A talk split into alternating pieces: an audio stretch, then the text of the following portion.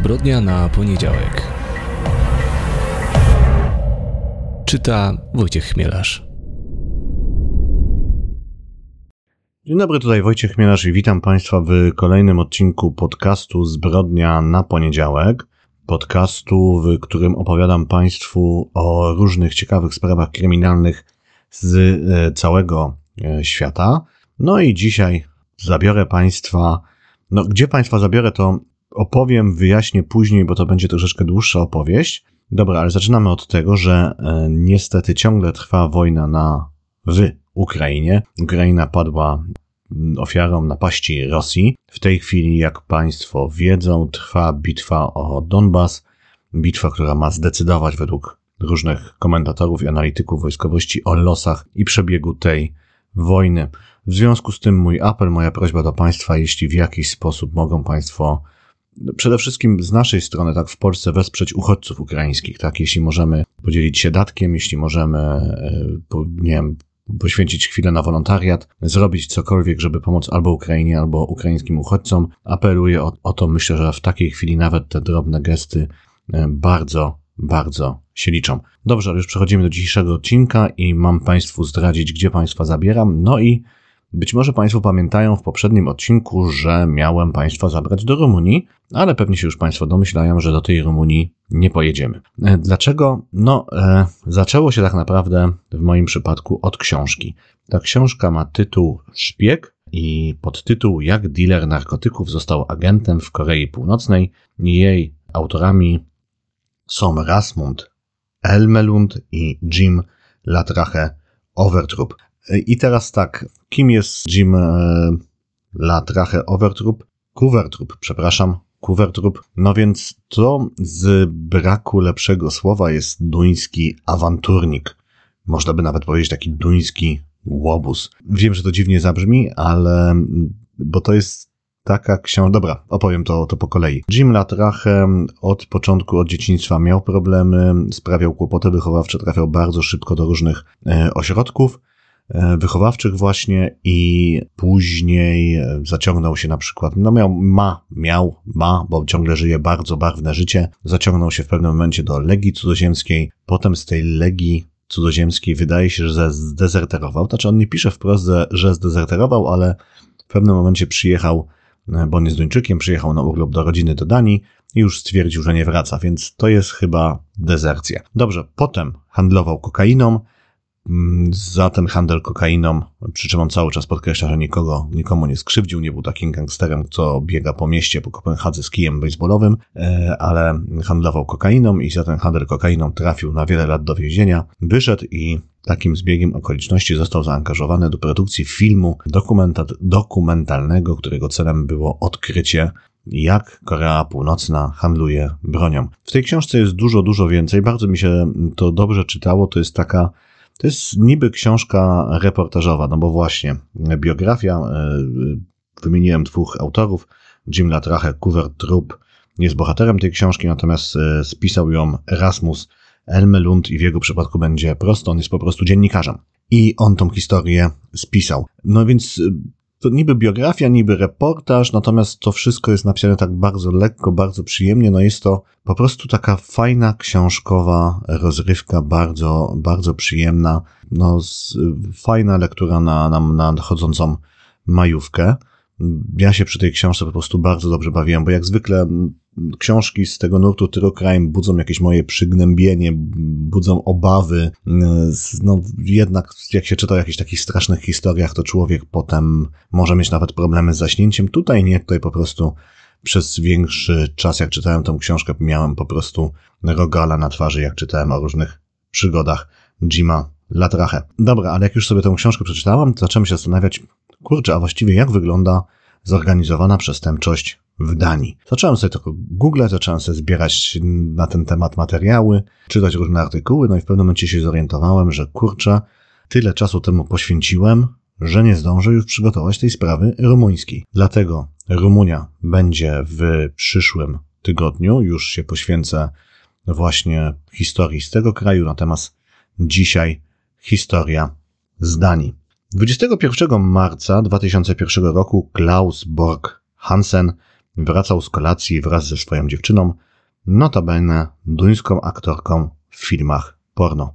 Hansen mieszkał w Vanlose na przedmieściach Kopenhagi. Według Wikipedii jest to najmniej ludna dzielnica stolicy Danii. Kiedy otwierał drzwi do ich mieszkania, no i właśnie to mieszkanie znajdowało się swoją drogą w suterenie, pojawili się napastnicy. Prawdopodobnie było to czterech lub pięciu mężczyzn. Wyciągnęli broń. W ich arsenale znajdowały się chiński pistolet Norinko kalibru 9 mm, pistolet marki Star również kalibru 9 mm, czeski Taurus tego samego kalibru i dwie strzelby pompki Winchester Stainless Marine oraz CBC Remington. Dziewczyna Hansena rzuciła się do ucieczki. Skoczyła za pobliski żywopłot. Mężczyzna próbował schować się za bagażnikiem stojącego nieopodal samochodu, ale napastnicy go otoczyli. Doszło do egzekucji. Strzelano do niego z bliskiej odległości. Łącznie został trafiony 26 razy, w tym raz w głowę. Zginął na miejscu. Dania była po tym zabójstwie w szoku. To jest spokojny kraj. Skandynawia, bogaty kraj, tam około 6 milionów mieszkańców, no i z liczbą zabójstw w okolicach 1,2 na 100 tysięcy mieszkańców. Czy to dużo, czy to mało? No jest to mniej niż średnia europejska, bo średnia dla Unii Europejskiej to jest bodajże 3 zabójstwa na 100 tysięcy mieszkańców. No i to zdecydowanie mniej niż na przykład na Łotwie, Litwie, Malcie, ale także Szwecji i Finlandii. Ale z drugiej strony, i tutaj to może być dla Państwa pewne zaskoczenie, jest to więcej niż w Polsce. W Polsce ten wskaźnik wynosi 0,7 zabójstw na 100 tysięcy mieszkańców. Ale na przykład, no właśnie, w Stanach Zjednoczonych 6,3 zabójstwa na 100 tysięcy mieszkańców, e, we wspomnianej Litwie 3,7, na Łotwie 2,6. I pewien duński naukowiec, on się nazywał Hedegard Thomsen, e, przeanalizował prawie półtora tysiąca zabójstw, a właściwie 1417 zabójstw, do których doszło w Danii w latach 1992 e, do 2016.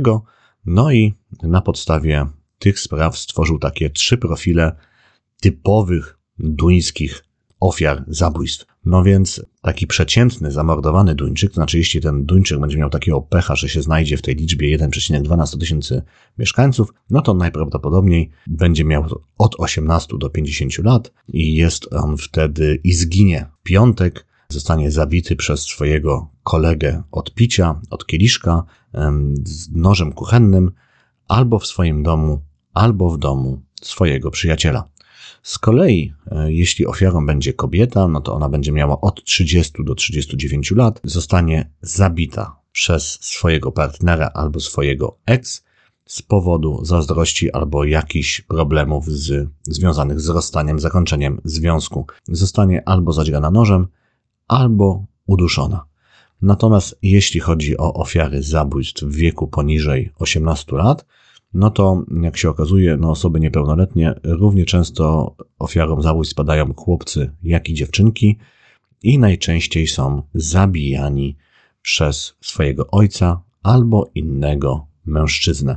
No więc widzimy już, że to zabójstwo bardzo um, brutalne, może, może nie bardzo brutalne, ale jednak w tym złym znaczeniu tego słowa spektakularne, widowiskowe. Tak? To naprawdę była taka egzekucja jak z jakichś filmów e, mafijnych, z, z, po prostu Klaus Borg Hansen został otoczony przez napastników, którzy zaczęli do niego strzelać, jakby chcieli go, znaczy chcieli go, chcieli go rozstrzelać. Dobrze. Więc chociażby z tego powodu właśnie Dania była w szoku, bo było to zabójstwo, do którego tak spokojny kraj jak Dania, no nie przywykł.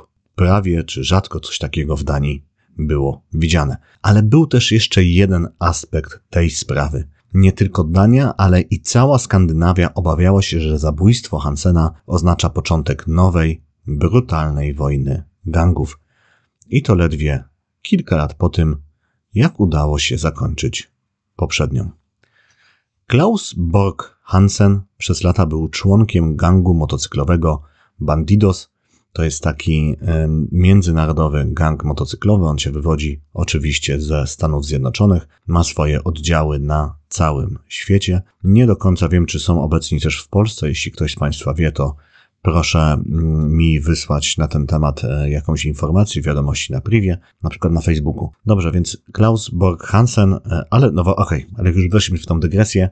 Natomiast właśnie gangi motocyklowe są bardzo popularne e, w Skandynawii do tego stopnia, że do początku lat 2000 były to największe, sprawiające najwięcej problemów organizacje przestępcze właśnie w Szwecji, w Danii, w Norwegii.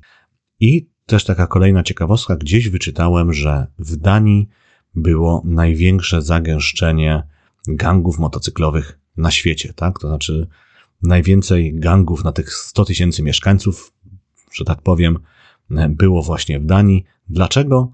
No i tutaj odpowiedź brzmi, że nie wiadomo. Po prostu taka, nie wiem, jakaś duńska specyfika. Dobrze, no i w tym e, duńskim oddziale Bandidos Klaus Borg Hansen nosił przezwisko Karate Klaus, a to ze względu na swoją znakomitą znajomość wschodnich sztuk walki.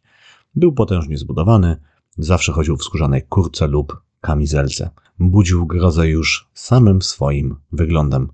Często chodził z udomowioną małpką na ramieniu. Przez lata był ochroniarzem prezydenta klubu Bandidos w Danii, Jima Tindahana. A Tindahan potrzebował dobrego ochroniarza. W latach 1994-1997 całą Skandynawią wstrząsał konflikt, który jest znany jako Wielka Nordycka Wojna Motocyklowa. Toczyły ją między sobą dwa międzynarodowe gangi, czyli właśnie Bandidos i Hells Angels, czyli prawdopodobnie najbardziej znany, najsłynniejszy gang motocyklowy na świecie. Policja twierdzi, że przyczyną wojny była rywalizacja o rynki zbytu w handlu narkotykami, narkotykami, jednak niektórzy badacze tych organizacji stawiają inną tezę. Uważają, że te kwestie narkotykowe, pieniężne, były tak naprawdę drugorzędne. Ważniejsze było poczucie urażonego honoru, wzajemne animozje i walka o gangsterską godność. No więc nie wiem, która z tych wersji jest e, prawdziwa. Przemawia do mnie ta druga.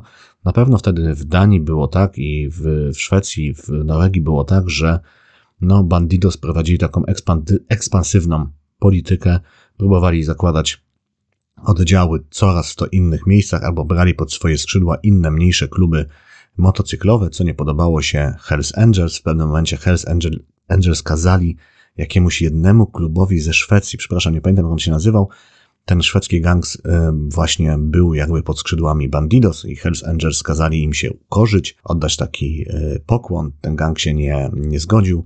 No i od tego rozpoczęła się cała wojna. Na pewno były to po prostu dwie organizacje, mówię tutaj o Bandidos i Hells Angels, które bardzo agresywnie próbowały się rozwijać, walczyły o kolejne obszary, nad którymi mogłyby panować. Dobrze, no doprowadziło to do konfliktu, w którym no naprawdę działo się całkiem dużo. W całej Skandynawii wybuchały bomby i granaty. Czytałem takie historie o tym, jak członkowie jednego gangu pod, podjeżdżali pod siedzibę, pod klub należących do, do drugiego gangu i strzelali do niego z wyrzutni rakiet. Dochodziło też do strzelanin na lotniskach i to chyba i w Kopenhadze i w Oslo. Dochodziło do włamań do wojskowych magazynów z bronią. To podobno był duży problem w Szwecji, że się zaczęli gangsterzy włamywać do wojskowych magazynów z bronią, wynosić stamtąd broń. No, e, szwedzkie wojsko musiało zmienić troszeczkę swoją politykę bezpieczeństwa. No, po, natomiast już, z, więc y, były te, te, te wybuchy bomby, były wybuchy granatów, były strzelaniny. Zupełnie na, na porządku dziennym były zaś pobicia. W rezultacie, to jest aż jak to zobaczyłem, to trochę jest dla mnie, było niewiarygodne, ale w rezultacie tego konfliktu zginęło 11 osób. Sześciu członków grupy Bandidos, trzech członków Hells Angels, oraz dwie kobiety, które nie były związane z żadnym z tych gangów. Dobrze, dlaczego tych ofiar było tak mało? Raz z powodu takiego zwykłego szczęścia, bo czytałem taką historię, że jeden z właśnie z tych klubów został ostrzelany z, z, rakietą przeciwczołgową. Ten klub się za, zapalił, w środku było pełno ludzi, ale nikt wtedy nie zginął. Natomiast chyba druga przyczyna jest taka, że obie te organizacje miały taki specyficzny kodeks honorowy, I jeden z członków e, Bandidos opowiadał, że kiedy duża grupa Hells Angels, albo duża grupa, okej, okay, duża grupa członków jednego gangu dopadała jednego członka e, tego drugiego gangu, drugiego gangu, no to niehonorowe było go zabicie. Tak? E, wtedy dochodziło do pobicia. To pobicie było często bardzo brutalne, ale uważano, że zabicie przeciwnika w przypadku, kiedy ma się taką przewagę liczebną, jest niehonorowe, nie robiono tego. No i ten człowiek e, opowiadał, że naprawdę był strach wtedy, kiedy człowiek się dowiadywał, że na teren kontrolowany właśnie przez swój gang wchodziło dwóch, trzech członków tego drugiego gangu, bo wtedy było wiadomo, że szykuje się coś grubego. Dobrze, ale więc tak jak mówiłem, zginęło sześciu członków grupy Bandidos, zginęło trzech członków Hells Angels, no i dwie kobiety, które nie były związane z żadnym z tych gangów. No i właśnie to śmierć tych kobiet, Janę Kron i Irene Bakewold, była prawdopodobnie punktem zwrotnym w tej wojnie. Wywołała te, te zabójstwa, te śmierci wywołały bowiem gniew opinii publicznej. Opinia publiczna, no było takie, podejrzewam, że, że było takie naturalne e, podejście, że póki oni się biją między sobą, póki między załatwiają te sprawy między sobą, póki nie, ich ofiarom nie pada nikt e, postronny, no to niech się chłopcy bawią, tak? Nikogo to właściwie nie obchodzi, a może dobrze, niech się e, nawzajem pozabijają. Podejrzewam, że mogło być takie myślenie wśród wielu polityków, ale też wśród wielu grup społecznych, no ale jak zginęły dwie kobiety, które były po prostu niezwiązane z całą tą awanturą, ludzie poczuli się zagrożeni, wyborcy poczuli się zagrożeni, jak się wyborcy poczuli zagrożeni, to się poczuli też zagrożeni politycy i politycy zaczęli naciskać na policję, żeby się za to zabrała. No i policja wzmogła swoje akcje, tam zatrzymano bodajże ponad 100 osób w związku z tą całą wojną. No i e, ostatecznie, też żeby była jasność, kolejnym powodem, bo ostatecznie podpisano pokój, ale też kolejnym powodem, oprócz tego właśnie, że się był ten gniew opinii społecznej, że wzmożono akcje policyjne, no ale też po tych trzech latach obie te grupy zdały sobie sprawę, że żadna z nich nie jest w stanie tej wojny wygrać, tak, że to jeśli ten konflikt będzie się dalej toczył, będzie to bardzo długa, bardzo brutalna wojna na wyniszczenie i nie wiadomo, czy ktokolwiek z niej wyjdzie zwycięsko. No więc ostatecznie podpisano pokój i co ciekawe, ogłoszono to w ogóle na konferencji prasowej, przed kamerami telewizyjnymi. Szefowie obu tych gangów wyszli po prostu przed, do dziennikarzy, powiedzieli, że podpisali pokój. Nie możemy zagwarantować, że nie dojdzie do kolejnych incydentów, ale będziemy wtedy interweniować i upewnimy się, że ci, którzy łamią umowę, zostaną wykluczeni z naszego środowiska, powiedział Bent Svane Nielsen z Hells Angels. No i Klaus Borghansen Podobno był jednym z tych, którzy chcieli dalej walczyć. W czasie wojny pełnił zresztą funkcję tzw. Tak ministra wojny, bandidos. Zawarcie pokoju mocno go ubodło. Do tego stopnia, że zakończyła się jego przyjaźń z prezydentem klubu, z Jimem Tindhanem. Pojawiły się też inne pola konfliktu, ale trudno powiedzieć, czego właściwie dotyczyły, bo wszyscy, którzy znają prawdę, milczą. To jest właśnie też bardzo ciekawe, jak sobie googlałem tą sprawę, właściwie niewiele wiadomo o tym, o co się, na temat tego, o co się oni kłócili. Są różne teorie, żadna nie ma żadnych dowodów, no jest po prostu taka zmowa milczenia. Jak czytałem o włoskich mafiozach, to nie było tam takiej zmowy milczenia jak wśród duńskich motocyklistów. Dobrze. No więc w jednym z artykułów na ten temat znalazłem takie enigmatyczne dosyć stwierdzenie, że po wojnie bandidos wymagali od swoich członków takiej dużej dyscypliny. Hansen zaś był zbyt wielkim indywidualistą. Ostatecznie Hansen, Hansen został wyrzucony z Bandidos. Próbowano mu też zabrać klub, który prowadził. Hansen odpowiedział jednak, że jeśli Bandidos chcą swojej rzeczy, to niech po nie przyjadą, bo jeśli tego nie zrobią, on je spali. No i tak właśnie zrobił. Spalił rzeczy Bandidos, klub zaś zachował dla siebie, dalej go prowadził. No i mm, właśnie, podobno Pomimo tego wszystkiego w duńskiej prasie pojawiły się głosy, że rozstanie Hansena z Bandidos odbyło się w dobrej atmosferze. Okej, okay, ale to dlaczego w takim razie zginął? No więc Hansen postanowił założyć swój własny klub motocyklowy, a ponieważ wiedział, że sam nie da rady, że jak będzie działał sam, to no, zostanie pokonany, nikt się do niego nie przyłączy, więc on postanowił sprzymierzyć się z gangiem Red and White. No i gang Red and White z kolei jest podporządkowany Hells Angels. Hansen co prawda próbował założyć w Danii najpierw oddział innego takiego dużego gangu motocyklowego Outlaws. Ten zaś jest wrogiem i Hells Angels i Bandidos. Nie udało mu się to jednak, więc został przy Red and White. Oznaczało to, że zdradził swoich dawnych towarzyszy, ale to też wcale nie był powód, dla którego wydano na niego wyrok śmierci. No więc co było tą przyczyną? Znowu, mówiłem, zmowa milczenia, są plotki, no i według takiej jednej z tych plotek, moim zdaniem najbardziej wiarygodnej, e, Hansen miał oskarżać kogoś wysoko postawionego w hierarchii Bandidos o to, że donosił na innych współwięźniów podczas odsiadki. Podobno miał na to twarde dowody i był gotów przedstawić się kierownictwu klubu w USA. Według innej plotki e, stawał się bardzo dużym zagrożeniem dla kruchego pokoju pomiędzy tymi dwoma wielkimi gangami, nieustannie jątrzył, prowokował konflikty i spięcia pomiędzy oddziałami Bandidos i Hells Angels. A jak pokazała historia, nawet drobny zatarg, jeśli nie szybko, nie zostanie szybko rozwiązany, może doprowadzić do wojny. No i mniej więcej w połowie marca 2001 roku doszło do spotkania przedstawicieli Bandidos i Hells Angels. Wiemy, że Klaus Borg Hansen po opuszczeniu Bandidos dostał wsparcie od grupy Red and White podporządkowanej Hells Angels e, w swoim klubie, w, który poprzednio zajmowali Bandidos.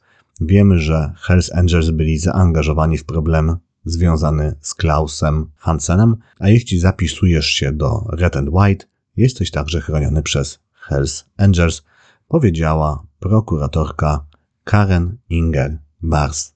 No i właśnie, ponieważ Hansen, Hansen był chroniony przez Hells Angels, to przedstawiciele Banditos zwrócili się do tego właśnie gangu z zapytaniem, czy ci będą mieli, czy Hells Angels będą mieli jakieś obiekcje, jeśli Klaus Borg Hansen zginie. No i Hells Angels po takim dosyć podobno gwałtownym spotkaniu, no odpowiedzieli, że nie. No, tak przynajmniej twierdzi duńska prokuratura, bo przedstawiciele obu gangów zaprzeczają, żeby kiedykolwiek rozmawiali na ten temat. Oni przyznają, że, takie, że do takiego spotkania doszło, ale rozmawiali o kimś zupełnie innym, rozmawiali o jakimś innym gangu, który był w, albo w Hells Angels i oni się przenieśli do Bandidos, albo byli w Bandidos i przenieśli się do Hells Angels i podobno tego dotyczyła rozmowa i wcale o e, temat Hansena nie był podnoszony. Ale jednak do tego spotkania doszło i tak jak mówiłem, 21 marca Klaus Borg Hansen zginął, kiedy wracał do domu ze swoją dziewczyną po kolacji. Po zamachu na Klausa Hansena policja odnalazła spalony wrak samochodu, którym uciekali sprawcy. W środku była też broń, której użyli, a właściwie to, co z niej zostało. Zabójcy w ten sposób chcieli zatrzeć ślady. Policjanci jednak szybko aresztowali podejrzane osoby i wkrótce przed sądem stanęło czterech mężczyzn – Podczas wygłaszania wyroku sądowa sala była wypełniona członkami klubu motocyklowego Bandidos. Zebrani zaczęli klaskać i wiwatować, kiedy sędzia uniewinnił trzech z czterech oskarżonych. Powód? No, prokuratura dysponowała pewnymi dowodami, na przykład wymienionymi, mm, wymienianymi pomiędzy tymi czterema mężczyznami SMS-ami, listą połączeń między, e, telefonicznych między nimi, no ale e, oni się po posługiwali pewnym szyfrem, dosyć e, prymitywnym, tak, bo tam były takie pytania w stylu, czy przygotowania są gotowe. No, odpowiedź była, że tak, i oni się tłumaczyli, że to były przygotowania do jakiejś imprezy klubowej, a wcale nie do zabójstwa. No, wiadomo o co chodziło.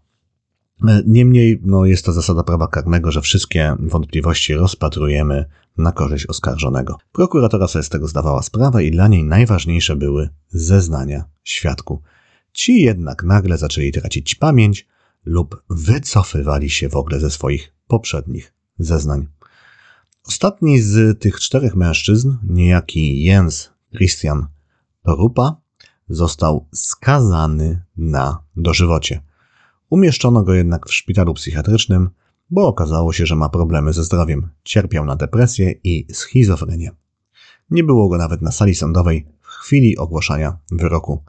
Ostatecznie zmniejszono mu odsiadkę do 16 lat więzienia, które spędził w zakładzie karnym. Co ciekawe, z tego co czytałem, wydaje się, że był on jedynym z oskarżonych, którzy podczas śledztwa współpracowali z policją. Podobno z tego powodu grożono jego dziewczynie. Ona opowiadała, że na progu ich domu znalazła czapkę z śladami po, po kulach, że ktoś świecił światłami w okna jej domu. Pozostali e, oskarżeni, właśnie w tym młodszy brat Torupa, milczeli. No i oni wyszli z sali sądowej wolni. Jens Christian Torup e, został zresztą jako zamachowiec wskazany przez partnerkę karate Klausa. Dziewczyna rozpoznała jednak zupełnym przypadkiem tylko i wyłącznie jego. Tam prokuratura chciała, z tego co czytałem, coś jeszcze tam działać, ale ta sprawa w tym momencie się zakończyła. Jedna osoba została skazana za zabójstwo, trzy poszły wolne. Ta sprawa ma swój jednak epilog i to jest epilog w postaci zabójstwa Mikeja Borgfjorda Larsena. Był on przyjacielem Klausa Borka Hansena i wspierał go w jego konflikcie z Bandidos. Obaj mieli wręcz zawrzeć pakt, według którego jeśli jednemu z nich stanie się krzywda, to drugi go pomści. Mikej Borgfjord Larsen miał więc wysyłać groźby wobec członków kierownictwa klubu Bandidos. No i w rezultacie zginął w zamachu bombowym, kiedy odjeżdżał spod szpitala po rehabilitacji, po zabiegu rehabilitacji kolana. Zatrzymano za ten zamach dwóch wysoko postawionych członków klubu Bandidos. Pierwszym był 29-letni Jacob Hiphop Andersen, drugim 31-letni Leonard Elkajer Christensen. Obaj zostali skazani na dożywocie, które potem zamieniono na 16 lat więzienia. W zamachu brała udział jeszcze jedna osoba, ale jej tożsamość jest nieznana. To Christensen był na motorem napędowym grupy i, co ciekawe, był on przyjacielem zabitego w tym zamachu Larsena. Dlaczego zdecydował się go zabić? No, e, jak on sam tłumaczy, miał trzy powody. Po pierwsze, pokłócili się po śmierci Hansena. Po drugie, kiedy Larsen pokłócili się, bo zapewne Christensen wspierał e, decyzję klubu Bandidos, e, z kolei no Larsen po tym, jak Hansen został zabity, Bandidos opuścił. Po drugie, kiedy Larsen został złapany przez policję, już nie wiem z jakiego powodu, już nie pamiętam, natomiast w ramach ugody z prokuratorem sypnął Christensena, no i ten z tego powodu musiał odsiedzieć rok więzienia za włamanie. No i po trzecie wreszcie Christensen dowiedział się, że Larsen wskazuje go jako jednego z ludzi, którzy brali udział w zamachu na Hansena. Tego było już za, du za dużo, zdecydowałem, że muszę go zabić, powiedział w wywiadzie prasowym Christensen. On zresztą napisał książkę w więzieniu, wydał ją, e, książkę o swoim życiu oczywiście, no i tłumaczył, że zrobił to po to, żeby no, powiedzieć swoim dzieciom dlaczego i w jaki sposób trafił do więzienia. To było coś dla mnie. Tutaj on mówi o życiu w gangu motocyklowym. To było coś dla mnie. To było jedyne miejsce, gdzie potrafiłem się odnaleźć, ale jestem jednym na tysiąc ludzi, którzy potrafią dostosować się do takiego życia. Dlatego mam nadzieję, że moje dzieciaki będą się trzymały z dala od bandidos, powiedział. To była zbrodnia na poniedziałek, zbrodnia duńska. Wydaje mi się, że do tego kraju jeszcze wrócimy, ale to za jakiś czas. Tam jest jeszcze jedna bardzo ciekawa historia, którą bym chciał Państwu opowiedzieć, ale wcześniej Rumunia, a potem zobaczymy, gdzie zawędrujemy. Nie, znaczy ja już wiem, ale nie będę jeszcze za dużo zdradzał. Więc e, dziękuję serdecznie za, za Państwa czas, dziękuję za wysłuchanie tej historii. Mam nadzieję, że dla Państwa była również interesująca. I w tej chwili się żegnam. Jeszcze raz dzięki. Wojciech Miasz, Zbrodnia na Poniedziałek. No i zapraszam za tydzień.